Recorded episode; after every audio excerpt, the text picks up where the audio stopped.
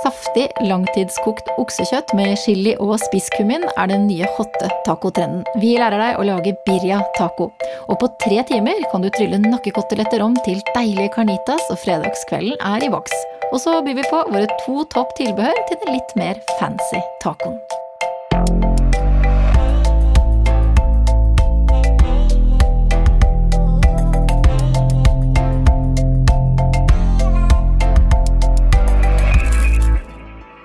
Velkommen til Matpratpodden. Jeg heter Katrine Ude, og med meg fra hvert vårt hjemmekontor så har jeg to matprateksperter som vanlig. Therese Elstad og Anette Fjelling Hansen. Hei!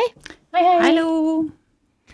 Birria taco er jo stjerna i denne podkasten, og det er det flere grunner til. Eh, dette er en ny trend som har slått an og er veldig sånn up and coming, og så er det skikkelig, skikkelig godt. Hva slags rett er dette, Anette? Ja, det her er altså retten som lager sånn skikkelig ordentlig tacofest, vil jeg si. Det er en rett egentlig fra Mexico, eh, og den har blitt mer og mer populær. Du får den på veldig mye sånn streetfood-plasser i eh, de store byene borti Uniten. Eh, men eh, nå så skal vi ta den hit, og vi skal langtidskoke oksekjøtt i ei deilig kraft, og da får kjøttet en sånn helt fantastisk smak, ikke bare det, men så blir det utrolig fantastisk mørt, sånn at du bare Det blir litt sånn momsemat, det her, altså. Mm. Eh, Therese, hva er liksom bakgrunnen til denne retten? Denne retten den stammer fra en eh, meksikansk chiligryte, faktisk. Eh, og de pleide å bruke geitekjøtt eh, før, men nå så bruker vi heller oksekjøtt. Og det vi gjør da, er at vi legger det i en liten quesadilla, eh, og det er da lefser som er stekt på begge sider med ost inni, sånn at det blir sånn deilig og smeltet ost. Eh, Hva slags kjøtt, eh, type oksekjøtt bør man velge til denne retten? Hva egner seg best? Altså her er det jo støkningsdeler som, som er i utgangspunktet ikke så mør. Eh, støkningsdeler som bog, eh, oksehale eller høyrygg, Det som er veldig fint å, å ha i denne retten pga. at den skal kokes lenge, og sånn sett så blir de støkningsdelene òg mør, da.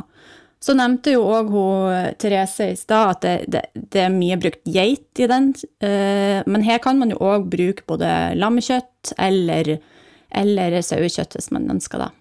Det er veldig fint eh, som du trekker frem disse stykningsdelene som kanskje man ikke bruker til så veldig mye annet enn langtidskokning. Oksehale, eh, bog eh, Det å få brukt hele dyret, det, det er bra.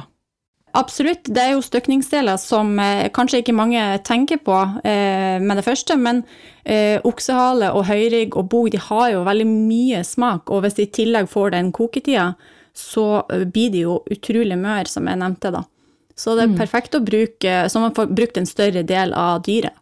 Absolutt. Mm. Therese, hva slags eh, smakstilsetninger eller krydder er det man bruker i denne kjøttgryta, da, som, som blir en sånn deilig tacorett til slutt?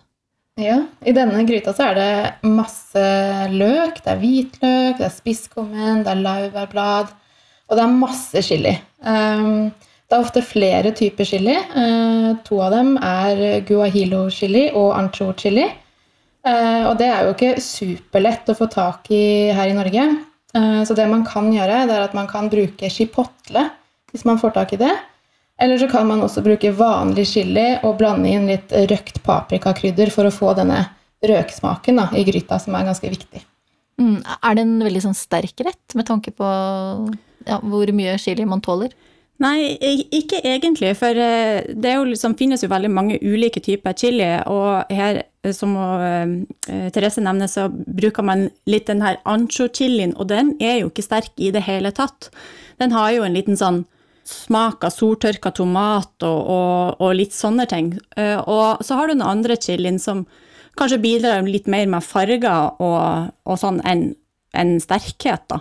Så det er jo det at uh, man kan jo selvfølgelig justere og bruke den, en sterkere chili hvis man ønsker det, men her er det jo for at chiliene egentlig skal lage forskjellige smaker i gryta, da.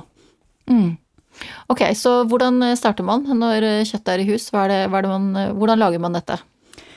Da tar du først, eh, enten om du bruker eh, sånn høyrygg eller, eller eh, oksehale, så må du jo skjære i mindre biter.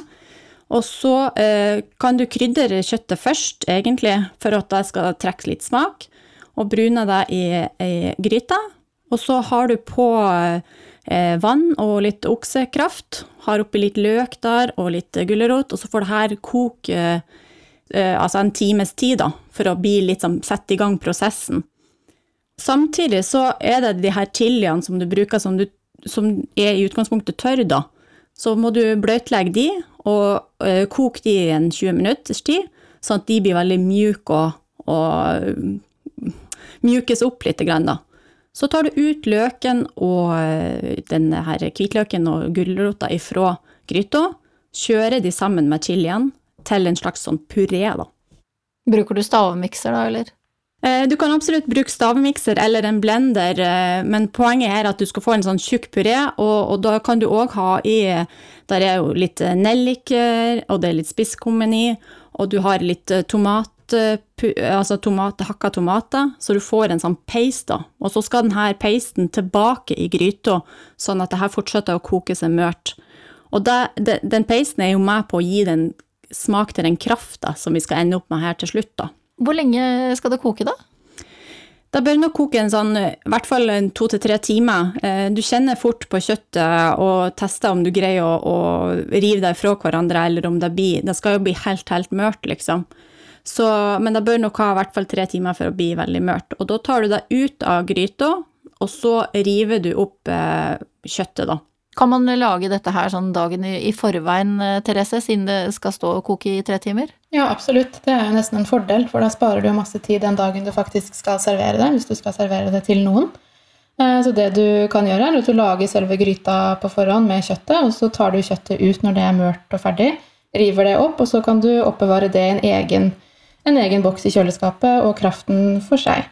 Og Det viktige å huske på da, er at du kjøler det ned eh, med en gang før du setter det inn i kjøleskapet, sånn at det ikke står mm. ute i romtemperatur kjempelenge.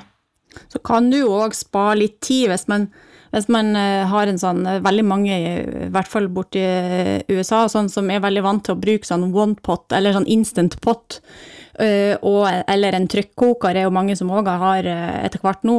Og da får man eh, redusert kanskje koketida til eh, ca. halve, og får mer sånn konsentrerte smaker.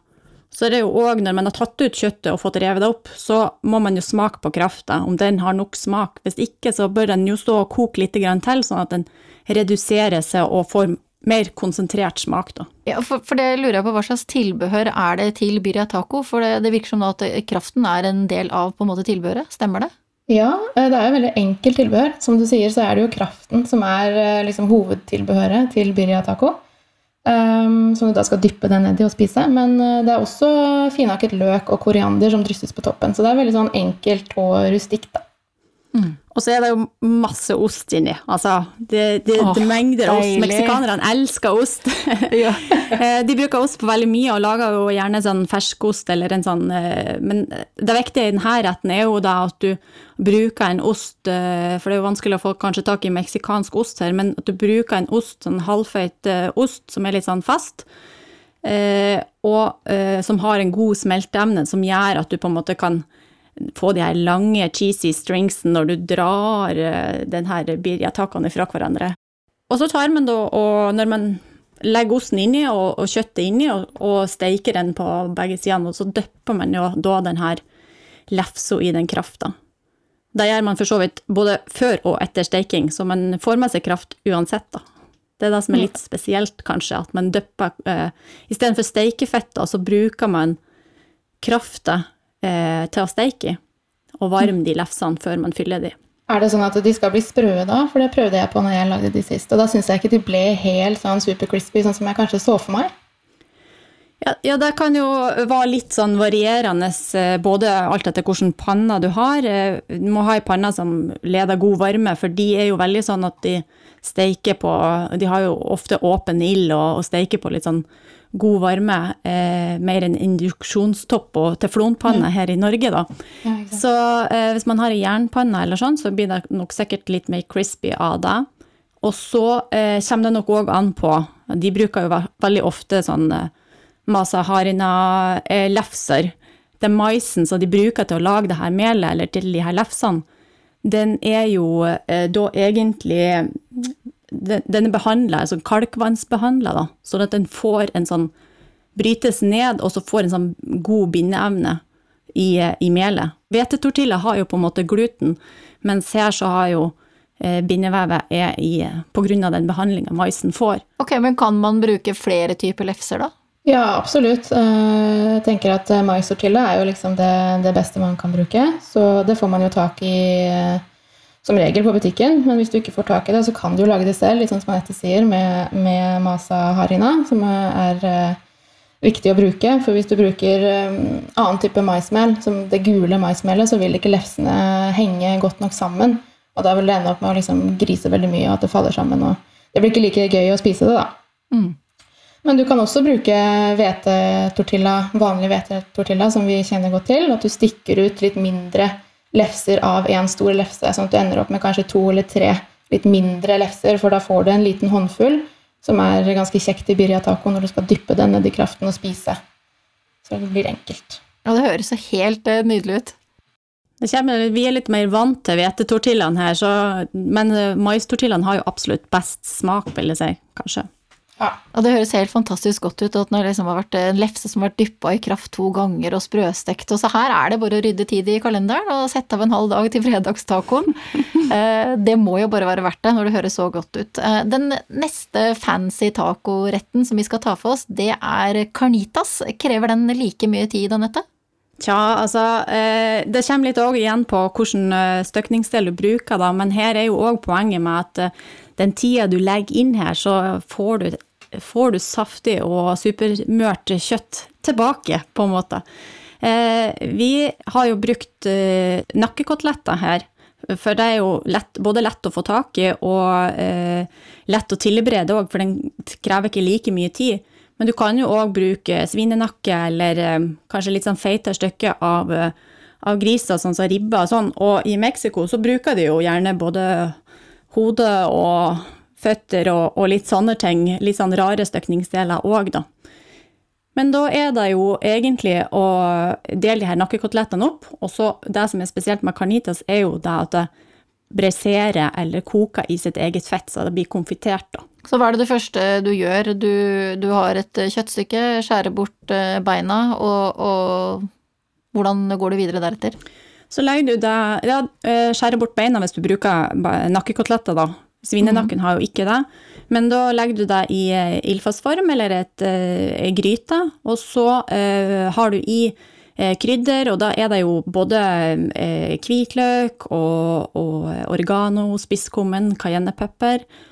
Og så er det veldig mange som bruker appelsin i den her, for å få litt friskhet og litt syrlighet. Og ikke minst en litt sånn annen uvanlig råvare, det er jo et cola. Faktisk. Cola?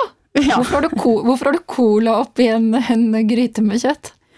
Ja, Colaen er jo først og fremst uh, kanskje mest der for å gi litt sånn søtlig smak. Det er jo ikke så vanlig å bruke cola, men ofte så bruker man det hvis man skal lage spare ribs eller sånn, så får det en litt sånn karamellisert eh, smak. Og da er det jo veldig viktig å bruke sånn ordentlig, ordentlig rød cola. Eh, for den eh, sukkerfrie, den funker ikke her, da. Og så har jeg sett òg at det er veldig mange som bruker kondensert melk. Den har sikkert litt av samme effekten, at du får den karamellaktige smaken. Men det har ikke vi gjort her, da. Men eh, det kan man òg mm. tydeligvis gjøre. Og så setter du da denne gryta enten på ovn eh, på lav varme, eller inn i stekeovnen og breiserer den, da. Eh, og etter hvert så vil du jo få et sånn eh, veldig mørt kjøtt, som er egentlig klart for å rives ifra hverandre. Og da tar du det ut, og så siler du fra fettet og kjøttet, og river kjøttet opp i mindre biter. Og så Det her kan du jo gjøre lenge før du skal servere deg, egentlig. Men så, eh, rett før servering, så tar du litt av det fettet du har silt av, og så freser opp igjen det, det kjøttet, da, sånn at det blir sånn ordentlig crispy og godt. Eh, og får litt sånn, ja, litt sånn god crisp på det. Og det minner jo litt om eh, konsistensen på crispy duck. Som vi da serverer liksom i små lefser og med enkelt tilbehør. Selv så foretrekker jeg picca de gallo og en skikkelig digg guacamole. Ok, men da tenker jeg vi tar eh, pico de gallo først, ikke pico de gallo, som jeg har sagt hele tiden. Eh, navnet klinger så fint, så jeg måtte slå det opp, og det betyr eh, hanenebb. Hva er det viktigste i en pico de gallo, Therese? Ja, Det aller viktigste det er jo gode tomater. Eh, og det er jo gode råvarer. Det løfter jo smaken på alt man lager, egentlig, men spesielt sånne friske salsaer sånn som dette. Og det gjelder jo egentlig uansett hva du lager òg. Men hvordan skal man vite da, hvilke tomater som er eh, best? Ja, nei, Du kan lukte det, eh, både på tomatene og på stilken, men du kan også se det veldig godt på fargen. Du har sikkert sett noen tomater som er sånn blasse og kjipe i fargen.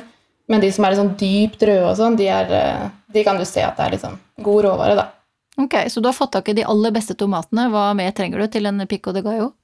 Ja, det du trenger da, det er at du, du trenger å finhakke tomat, løk og koriander og grønn chili, som du da blander sammen. Og så smaker du til med limesaft, salt og eventuelt litt hvitløk, hvis du vil det.